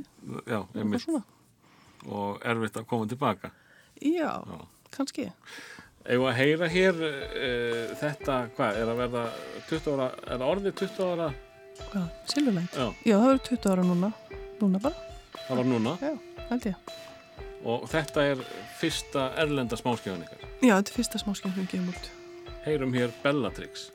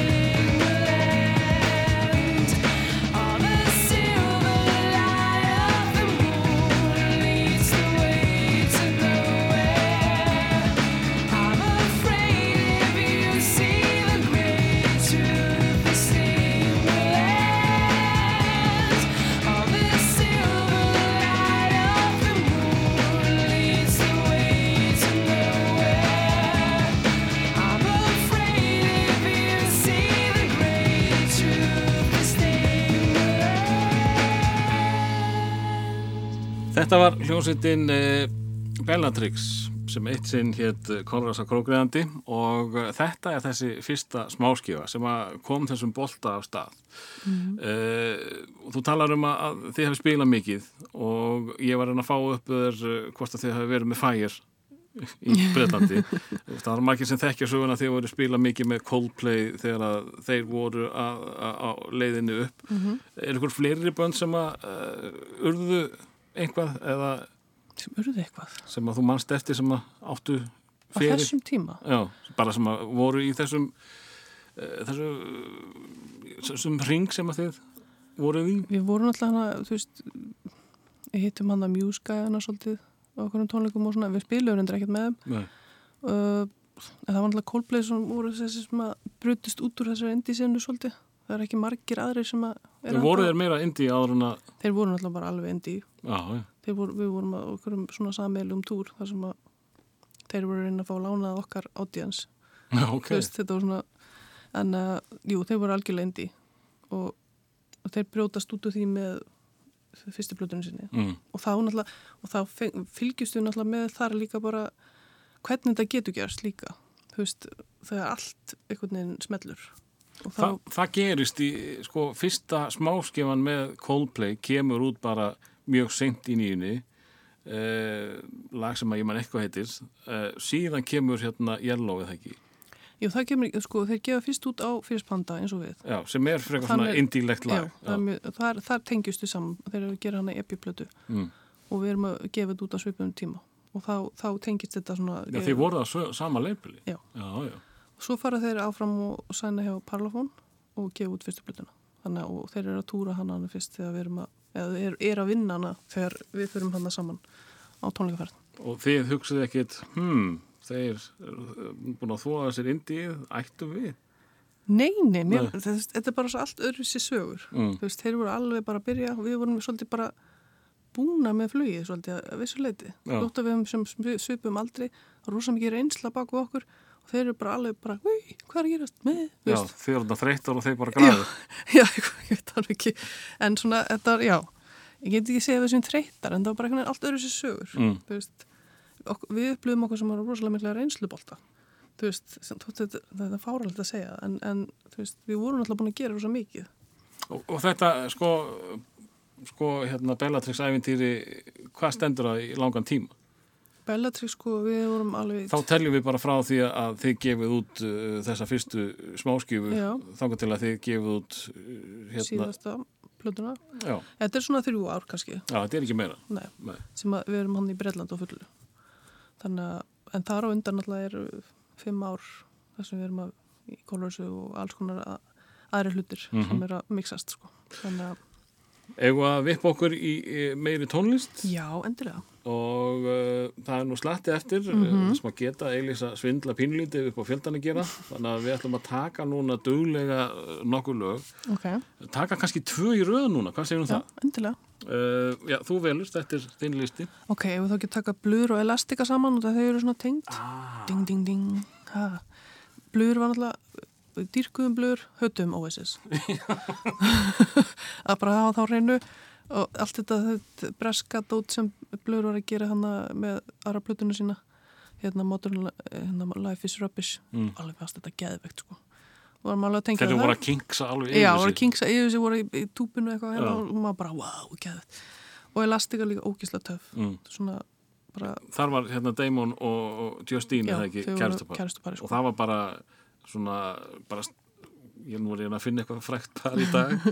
Allan að þau voru glæð svona eina af þeim frægustu bara í tónlistar heiminum í Breitlandi á þessum tíma Já, já, algjörlega. En hvernig var, uh, sko, þú hefur þá náttúrulega verið í Breitlandi þegar að, að uh, þetta stríð nær hámarki millir Blur og Oasis? Jú, var, var þetta svona Þetta hart? og náttúrulega blöðin ígjaði þetta líka. Mm. og, og í- ég get allt upp eftir þeim og alltaf frem, á, búist frá síðan á öllum blöðunum og einhverju læti okkur fannst þú gaman að fylgjast með þessu en okkur fannst þér ægileg dónar hann var Oasis, bara hvað gengur á. Hvað er að gera við Damon minn?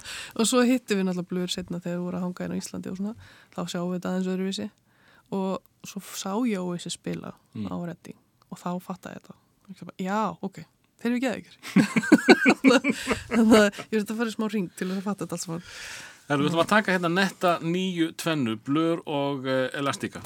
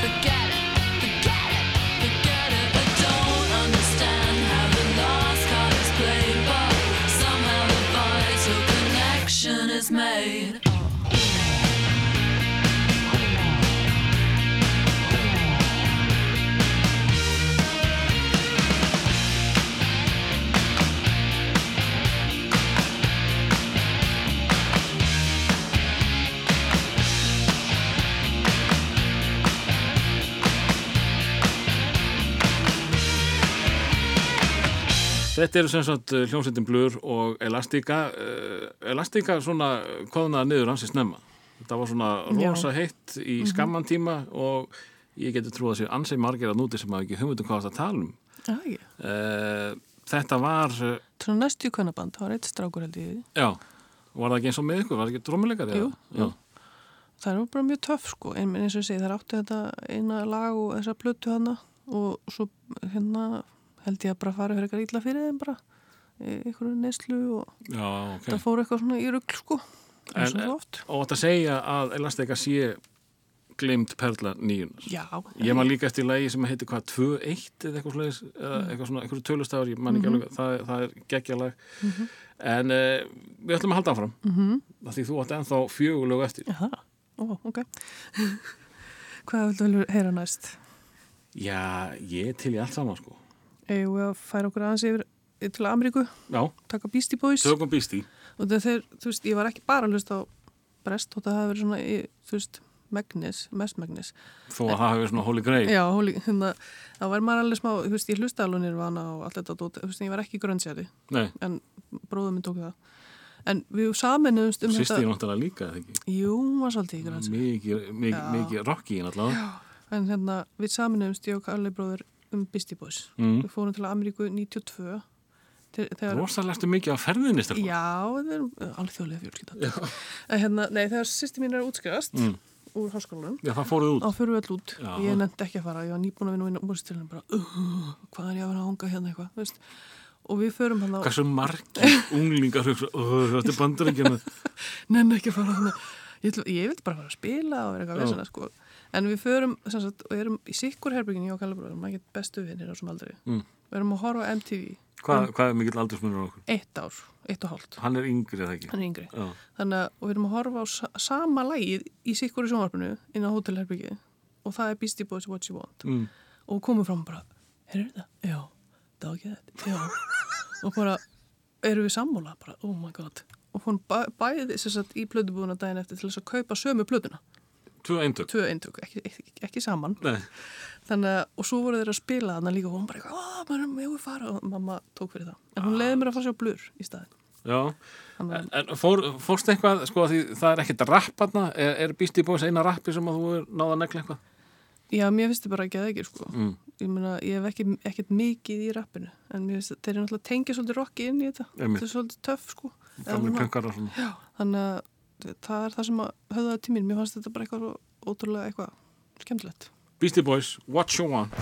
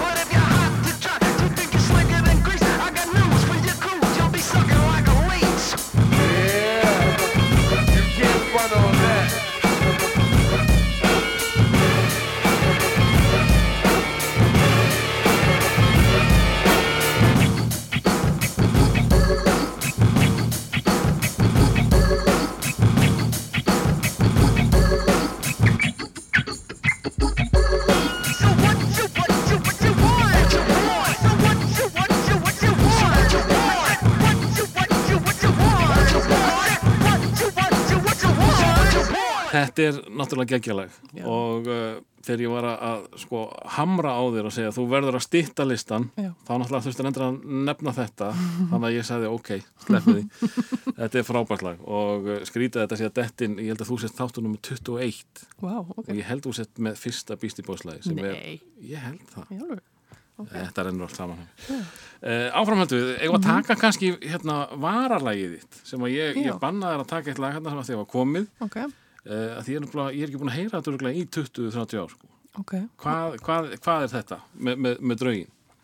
Hvað séru? Hvað, hvað er varalega? Já, já, hérna Kir- Kirsten Hurst. Já. já. Var hún ekki í Throwing Muses? eða Jú? Já. mér fannst Tróða Mjúsis geðveik, sko. Og þetta er svona fyrirmyndi sem maður leitar í. Og svo fengum við hýtu fyrir hana í, Hér- Hérna? í Breitlandi, sko. Í Bretlandi, ok. Bellatrix. Í einhverjum kastala í Wales, þetta var bara geðveikt, sko. Nú. við vorum bara eitthvað "Ah, þú veist hún var ógisla flott og þetta er bara ógisla flott lag. Við spilum og sungum og allt sko, ég flutti þetta lag mér þess að allt, mjög flott lag. Varstu, uh, voru það hitt upp fyrir hanna eða já, hana, Já. þegar hún var solo sérst eftir þrjóða mjúsis sem að þá verði ég að spyrja þig uh, varst eftir einhvern fleiri sem að þið voru að hitt upp? Fyrir, sem, sem, að, sem að við ættum kannski kannast við. Við hittum með fyrir blur náttúrulega á Íslandi, Í Bretlandi? í, á Íslandi, Íslandi, og, og með sjá hverju fleiri, ég man það ekki. Nei, ekkert sem er svona eitthvað frækt lengur ekki þú veist, þetta er alveg mjög faldarperlur. Nei, jú, hvað, var- hvað verður það aftur býtu ó, það var eitthvað hljómsett uh, ég man það ekki núna. Eitthvað sem hulda fílaði ekki þetta. Okay. Við, ég þarf að hugsa, spilaði og... Þetta er sem sé uh, Kristín Hörs og lag sem heitir Your Ghost. If I walk down it's too quiet, so I pad through the dark and call you on the phone. Push your old numbers and let your house ring till I wake your ghost.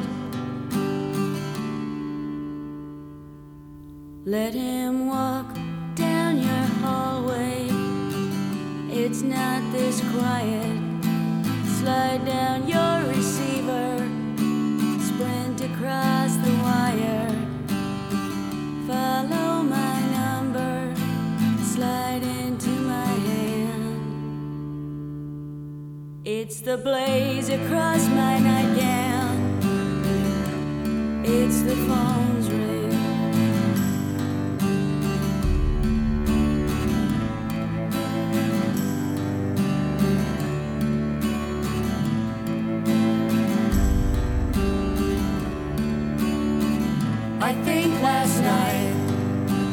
You were driving circles around me.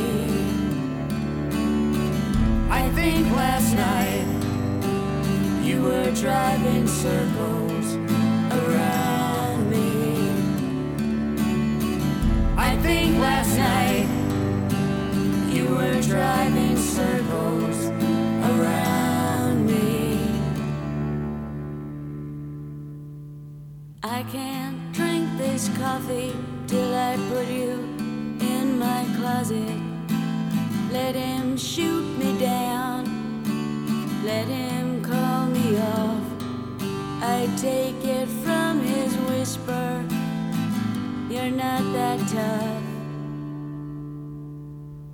It's the blaze across my nightgown.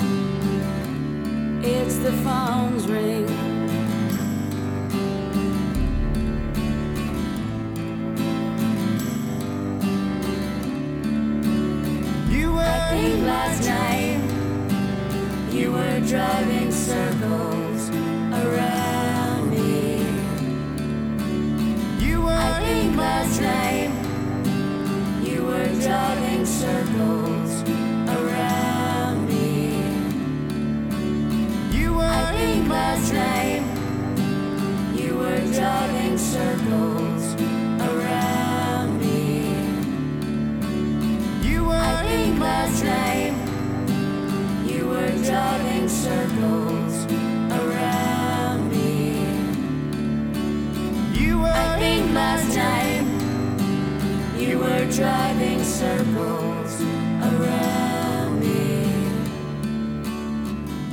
Þetta var hún uh, Kristín Hörs og uh, ég, mér, mér ámar ég hún hafi komið yngað með einhvers konar útgáfa af Throwing Muses Ah. og spilað á innipókan. Ok, Það vona ég sé ekki að ljúga miklu en vonandi eru það bara allir hættir að hlusta sem að verða brjólaðir. Uh, það eru tvö, það eru þrjú, nei það eru tvö lög eftir ok og uh, lagi sem að þú ætlaði nú að hætta við fyrst, Já. það hangir allar kannski að enda á því, það væri nú ekki verra sko. Já, endum á því, það var mikið stuð þá, uh, þá er það Britpopið Það var aftur í Britpopi sko, Mhm. út af því ég festist þar svolítið. Þetta, þetta er þessu hljónstir sem höfðu mikil, a- þú veist, mikil áhrif á hvernig við vorum að semja og svona, þú veist. voruð þið eitthvað á leiðin á Britpop vagnin þið voruð aldrei beint þar Nei, alls ekki. Nei. En þetta er samt tónlist sem vorum að hlusta og þetta er alltaf mjög melodist og mátti koma, mátti ellenda sveitir reyna við Britpop öruglega ekki, sko. ég man ekki eftir Ekki, og þó svo við hefum reynda að við öruglega hljóma allt öðru sig. Já. Þegar við vorum alltaf að reyna að vera indi, þú veist, eitthvað svona sjúgeis fyrst sem Mm. bara var alveg út í, út í róa, sko. En þú veist, við leituðum í þetta og Sveit var rosa, var rosa flottir hann að fyrst, fyrstu tvær blötunar Mm. vorum við bara alveg, bara, ég og Sigrún bara trilla, sko. Hvern, hvernig var landslægið, tónlistarlandslægið þarna í Breitlandi á þessum tíma var, var Britpopið svona rosalega stórt eins og, og, og hérna blöði voru að tala um Já, var það náttúrulega, en þegar við komum út þá er þetta svona að ljúka aðeins ok. svolítið, eða svona aðeins að þetta er- svona svolítið fara að geta sjálfan sig Mm. þú veist, Oasis er svona bara supergrúpa og blöð líka og þetta er svona, þetta er ekki alveg indi lengur, sko, Nei. Þannig að jú, ég meina við, þetta sem við erum að hlusta sko, bara sem úlingar og, og sveit náttúrulega bara þú veist, bara ótrúlega flottir lagahöndar og ég hitti hérna við hittum það og við spiluðum með þeim í Portugal hérna einhverjum árum setna og við vorum alveg eins og jólasuna bara, bara, fyrir að tala um það já, hæ, hæ, eitthvað og bara, þú veist, þetta var hræðilegt. Og þeir hlóðu bara að okkur. Og getur Kalli voru að tala um fótbolta og ég bara, ó, Kalli, hún er ekki allt. Þú veist. Og, þetta gerist alveg ennþá, þú veist, ég fór að sjá ræð til dæmis í fyrra í fyrsta skipti. Mm. fekk að fara baksis og hitta og ég var alveg eins og ég var í 14 ára. Mm. hello, I love you. Uh, eitthvað, þú veist, bara eins og bjáni. Já, ég, ég get alveg toppað þetta. Ég, hérna, þannig ekki oft sem að einhverju sem að ég hef gaman af kemur til landsins. Mitch Júr komið um daginn og mér var margótt búið að fara að tala við hann. Ég bara afþakkaði. Já. Ég freka bara að sleppa heldur en að vera. Er Já, ég, ég, þetta alveg að gýra mig niður sko. Og, en sveitin alltaf ekki og svo sá ég hérna gítarlegan Bernard Butler. Hann bjó hann rétt hjá mér Mm. í London á tímabili. Og hann var ofta á pöppinum hann rétt hjá og ég var alltaf jafn æst því ég sá hann. Og bara og kærasti mig var bara, ég vilt ekki bara fara að tala við hann? Hann bara stendur hann og bara, nei, ég geta ekki bara, bara ætla þess að horfa á hann. Bara, þú veist. Náður eins og ekki að ég kontakta náði ekki að tala við hann sko, ég gata ekki haldið kúlu En getur þú sagt mér hvaða var að því sko hann var bara með á fyrstu plötu, hann spilaði fyrstu eitthvað annar tveimur. Hann, hann, hann var fyrstu samt hættur í bandinu þegar að Já, hann hún kemur hætti út. bara um, um leið hún kemur út. Já, Hann, uh, en lengi vel eftir þetta Bernard og, Bernard og Butler og eitthvað Bernard slags, Butler, já. þá er hann talin alveg rosalega hetja í bresku tónlistarlifi Já, hann er alltaf svakalega flottur gítarleikari og lagahöndur og svo var hann alltaf brótser.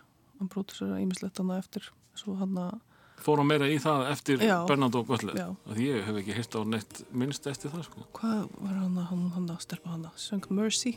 Já, Duffy Já, hann gerir það tótt Já, ok og hann að ímislegt. Hann að, jú, já, hann er, hann er svolítið svona legendary. mm. Hann að, já. Ég gæti ekki haldið kúlun allavega og sagt hæ. Heyrum hér uh, Suede og lagið er The Wild Ones There's a song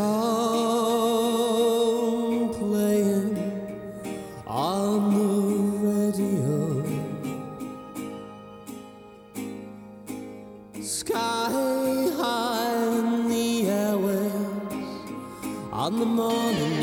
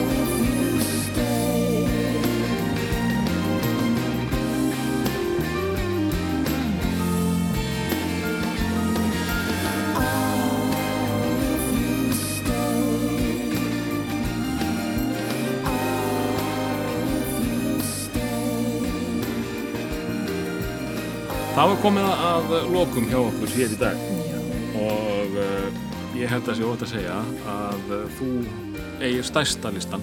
Það er það? enginn á 13 lögum. Yes! Þú hafði ekki með það. Ég, ég átti bara í erlöku með að hjálpa þær að henda sko. Já, Þau fáu lög sem að þú vildir henda, vildi ég ekki henda. nei, ég, ég leðum að fyrir á stað í svona nostalgíu sko þá er ekki hægt að stoppa ég Mhm. er örgulega ekki búið til alveg mikið, mikið stærri lista, ég bara, þú veist stoppaði þannig þú veist, árin ég flippaði alveg yfirum En, en sko, þetta er náttúrulega rosalega stór uh, áratugur fyrir þér. Uh, hann hefstir að þú ert bara uh, krakki í Keflavík Mhm. og uh, frá því að vera þú veist, ekki eins og í hljómsveit eða neitt en, en uh, bruna síðan í það bara að, að uh, sko, reyna að live in the dream í, í Breitlandi Mhm. og það er ekki, það er bara einhverjum sjö árum setna eða eitthvað. Já, á þessum tíu árum frá 90 til 2000 þá gerist þetta mest á þessu ævindiri, já. Já, það er bara, þú veist, 15 til 25 eða eitthvað og það er náttúrulega rosa mikið sem gerist. Á þessum tíma frá því að vera plötusnúri í holtaskóla yfir í að vera, þú veist, headline á redding eða eitthvað. Þannig að það er svolítið skemmtilegt að það það er nefnilega hérna tillitin á æfisugunni. Já, það er ekki bara, Já, frá Holtaskóla til uh, Redding eða eitthvað. Nei, hérna, sko þá er þá er mjög vond spurning, en ég er bara þekktu fyrir vonda spurningar. já, Hvað stendur upp úr? guð, Svaraða nú. hvað stendur upp úr? Viltu fá svona hetju dæmi eða, Já, já, ok þú mátt, þú mátt taka hetjudæmið, svo mátt alveg fara í persónulega dæmi líka, en Já. þú veist að við, við þessar fólki, við, við viljum heyra hetjusöðuna. Sko, er ímislega sem stendur upp úr en ég, ég, ég ætla að geima margt þangur til æfisagan hérna Mm. frá holtaskóla til redding kemur út en eh, svona tónlistilega séð tónlistilega er algjör hápunktur að fá kóhellana hann á Karolingsviðið á Redding Festival og Leeds Festival Með hverjum? það var hann hann akkur sem söng hann Cause you're gorgeous Já, Hérna, Baby Bir- Bird. Baby Bird, já. Já. Við vorum hann að fengum að hella hana annarkvöldi og hann tók hitt það var Byrju, og Redding er eina stærstu Já. tónlistarháttuðanum í Breitlandi. mm Mm það var mjög gaman það var svolítið svona hápunkturinn sko. Hvað eru það margi sem að eru þá að- að það stara á er mörg okkur? þúsund manns Já. að horfa á og Og oftast rigningi það ekki? Og leðja? jú, leið, jú, ég myndi að vera slettur á kjólnum mínum það sést á myndum sko. þá er við verið að hlaupa upp á sviði gegnum leðina en hérna, jú, það er svona hápunktur ef maður vil horfa þannig Mm. en svona persónlega er ég bara ókslega ánað með hvernig við bara kýldum á þetta og hlustum ekki áneitin og bara gerðum það sem við vildum vorum svolítið svona samkvæm sjálfum okkur næstu alla leðina Mm. og veist, semdum okkar einn lög og vorum bara töff sko. Mér finnst það bara að horfa tilbaka á þetta bann sem ég var þá finnst mér þetta frábært sko. Mm Hefur eitthvað pælt í því, hefur þið ekki farið þá hef, ég- var ég örugglega að gera eitthvað allt annað heldur þú það bara hætt í tónlistinni? Þú er ekki farið það bara í og, og orðið þá meiri poppari af því þú verður ekki ríkaði að vera indie kona en maður verður ekki heldur ríkur að poppar á Íslandi sko. Nei, mjög allavega. en en hérna, veist svona já, jú, það er alveg að Taka bó já, taka bó, já, það eru ekki margi bó Nei, það er ekki plássur marga Nei. Nei, ég veit ekki, ég veit ekki hvað ég hefði gert þú veist, verið í einhverju listrænu myndi ég halda mm. Og Og þú ert tónlistakennar í dag eða ekki? Ég hef búin að vera það, ég er núna orðin deildastjóri þannig að ég er svona aðeins að færa mig frá kjenslunni Mm. um, en jú, ég reyna alltaf að vera í einhverju svona kreatív, eins og segjum. Einhverju svona er skemmtilegt og krefjandi. Ok, en kannski sem að kemur uh, nýjunni akkurat ekkert við en uh, hver er staðan á Elísu Njúmann tónlistamanni í dag? Hún er bara góð sko. Mm. Ég meina, ég er að vinna fymtu sólablöðuna mína. Þú veist, ég er náttúrulega alltaf verið að gera tónlist. Ég hætta, þú veist, það er ekki þetta slökk á því að semja lög, til Mm. dæmis. Það er bara að deyra eitthvað inn í mér þú veist, þetta er bara mín sálfræði meðferð að semja lög Þú hefur aldrei pælt í því sko að, semja fyrir aðra? Jú, ég er sami fyrir aðrar Þú hefur, þú hefur, þú er eitthvað verið að semja fyrir auðlýsingar eða eitthvað svoleiðis? Já, ég meina í London, ég bjóna allir í London í tíu ár eftir, mm. eftir hljónstina og ég vann við alls konar, þú veist, maður var að syngja nölusingar, maður var að hjálpa popsöngurum, þú veist, vocal coaching og Já, það já. að semja lög og pitcha og veist, við vorum með lög og hold í X-Factor og, og voru pop, eitthvað svona boybönd að taka lög sem kannski voru ekkit fræg en þú veist, alls konar í gangi, Mm. veist, og maður að semja fyrir sig og aðra og hjálpa öðrum og En úr þessar, þessi tengst sem þú myndar þar, mm notar þú ennþá? Ertu ennþá eitthvað í sambandi við Já, já, það, bransana um orðað þannig? Já, kannski ekki eins mikið, en Nei. það kom alveg upp verkefni og, og þú veist, tónlisti mín hefur sett í notu í sjónvarp og myndir og alls Mm. og Þannig að þú ert ennþá á skrá? ég er ennþá smá skrá Já. og svo, svo bara, svo fer maður bara inn í það og fer út úr því aftur, Mm. ég er ekkit að, maður er ekkit að reyna að meika það lengur, þú veist, þetta er ekki eitthvað svona ég verð að okna hverjum botni bara, hvað get ég gert í dag til þess að komast inn á top 40 þú veist, það virkar ekki alveg þannig, Mm. nú er þetta bara meira gert út af það gaman. Eða eitthvað skemmtilegt kemur upp, eitthvað verkefni Mhm. og þá og tekur maður þátt í því. Þú veist, þetta er ekki, maður er svona búin með þetta þennan pakka sko. Þannig að þetta er svona eiginlega bara gert út af því það er gaman og ég þarf að gera þetta. Mm. Þú veist, ég þarf að búið tónlist. Eh, En kemur það ekkert fyrir að þú ert að semja hérna mm, ok, þetta, þetta er nú þetta er ekki mikið Elísa. Ég ætla að senda þetta á Backstreet Boys. Ef ég geti gert það, senda þetta aftur í tíman uh, Nei, jú, jú, mér, Ég, ég, þú, þú náttúrulega tókst átt í Eurovision Já, við sem var ekki lag. mjög Elísa Nei, það var sami með hérna í Bretlandi, Mm. það lag. Það, Já, það var lengur til áður en að Já, það endaði pít, það var samið fyrir popsöngunu og, ok. svo, og hún tók ekki lagið. Mm. þannig að við notum það til að senda inn og það er oft þannig í svona að lagahöfundar eiga með eitthvað banka af lögum. Maður er ekkit alltaf, þú veist allt sem að semur passar kannski ekki endilega fyrir mann sjálfan. Mm og oft fær maður bara svona blað með, þú veist, það þarf að vera svona, svona, svona svona rest og smá kúðubjalla og hún og berður og maður bara, ok svo reynir maður eitthvað. En þú veist, það er náttúrulega að vera eitthvað kjarni í öllu en Mm. þannig að það var, jú, ég gerði þetta svolítið í Englandi. Ég hef ekki verið að þetta eins mikið núna. Nú er ég meira bara að semja mitt eigið. Hvað er langt síðan að koma lag sem að þú ég, ég ætla ekki að nota þetta sjálf? Bara, þú veist, í síðustu viku. Já, reynda og hún með eitthvað segja, já, já, semja jólalag. Hmm. en það er svona grail, Já. the last Christmas hérna. Herðu, loka lagið já. Uh, ég valdi þetta lag hérna með Wanna Dice, voru ekki Wanna Dice Wanna Dice Ég hef, sko, ég er búin að kynna þetta lag innur svona hundra sinnum Já. og það ætla sér ekki 50-50 hjá þér já, þetta er svona lagi sem við spilum alltaf í rútunni Mm. þegar við vorum á, á ferðalagi hljónstinn.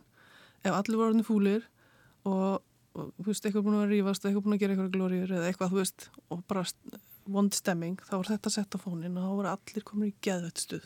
Þetta er, þetta er geggjalag Þetta er þetta ekki já. sænskir eða? Jú, þetta er, þetta er sænst band, held ég. Já, Og við vorum alltaf elskuðum líka kardigans og allt þetta, við erum alveg inn í því, senu, sko. mm.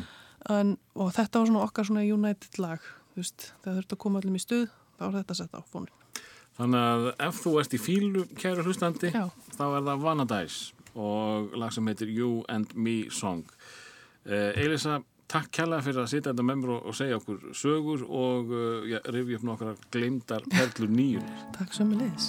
Always when we fight I try to make you laugh Till everything's forgotten I know you hate that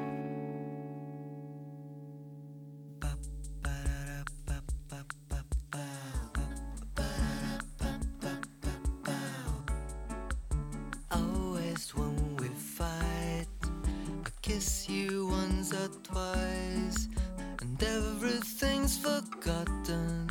I know you hate that. I love you, Sunday sun. The week's not yet begun.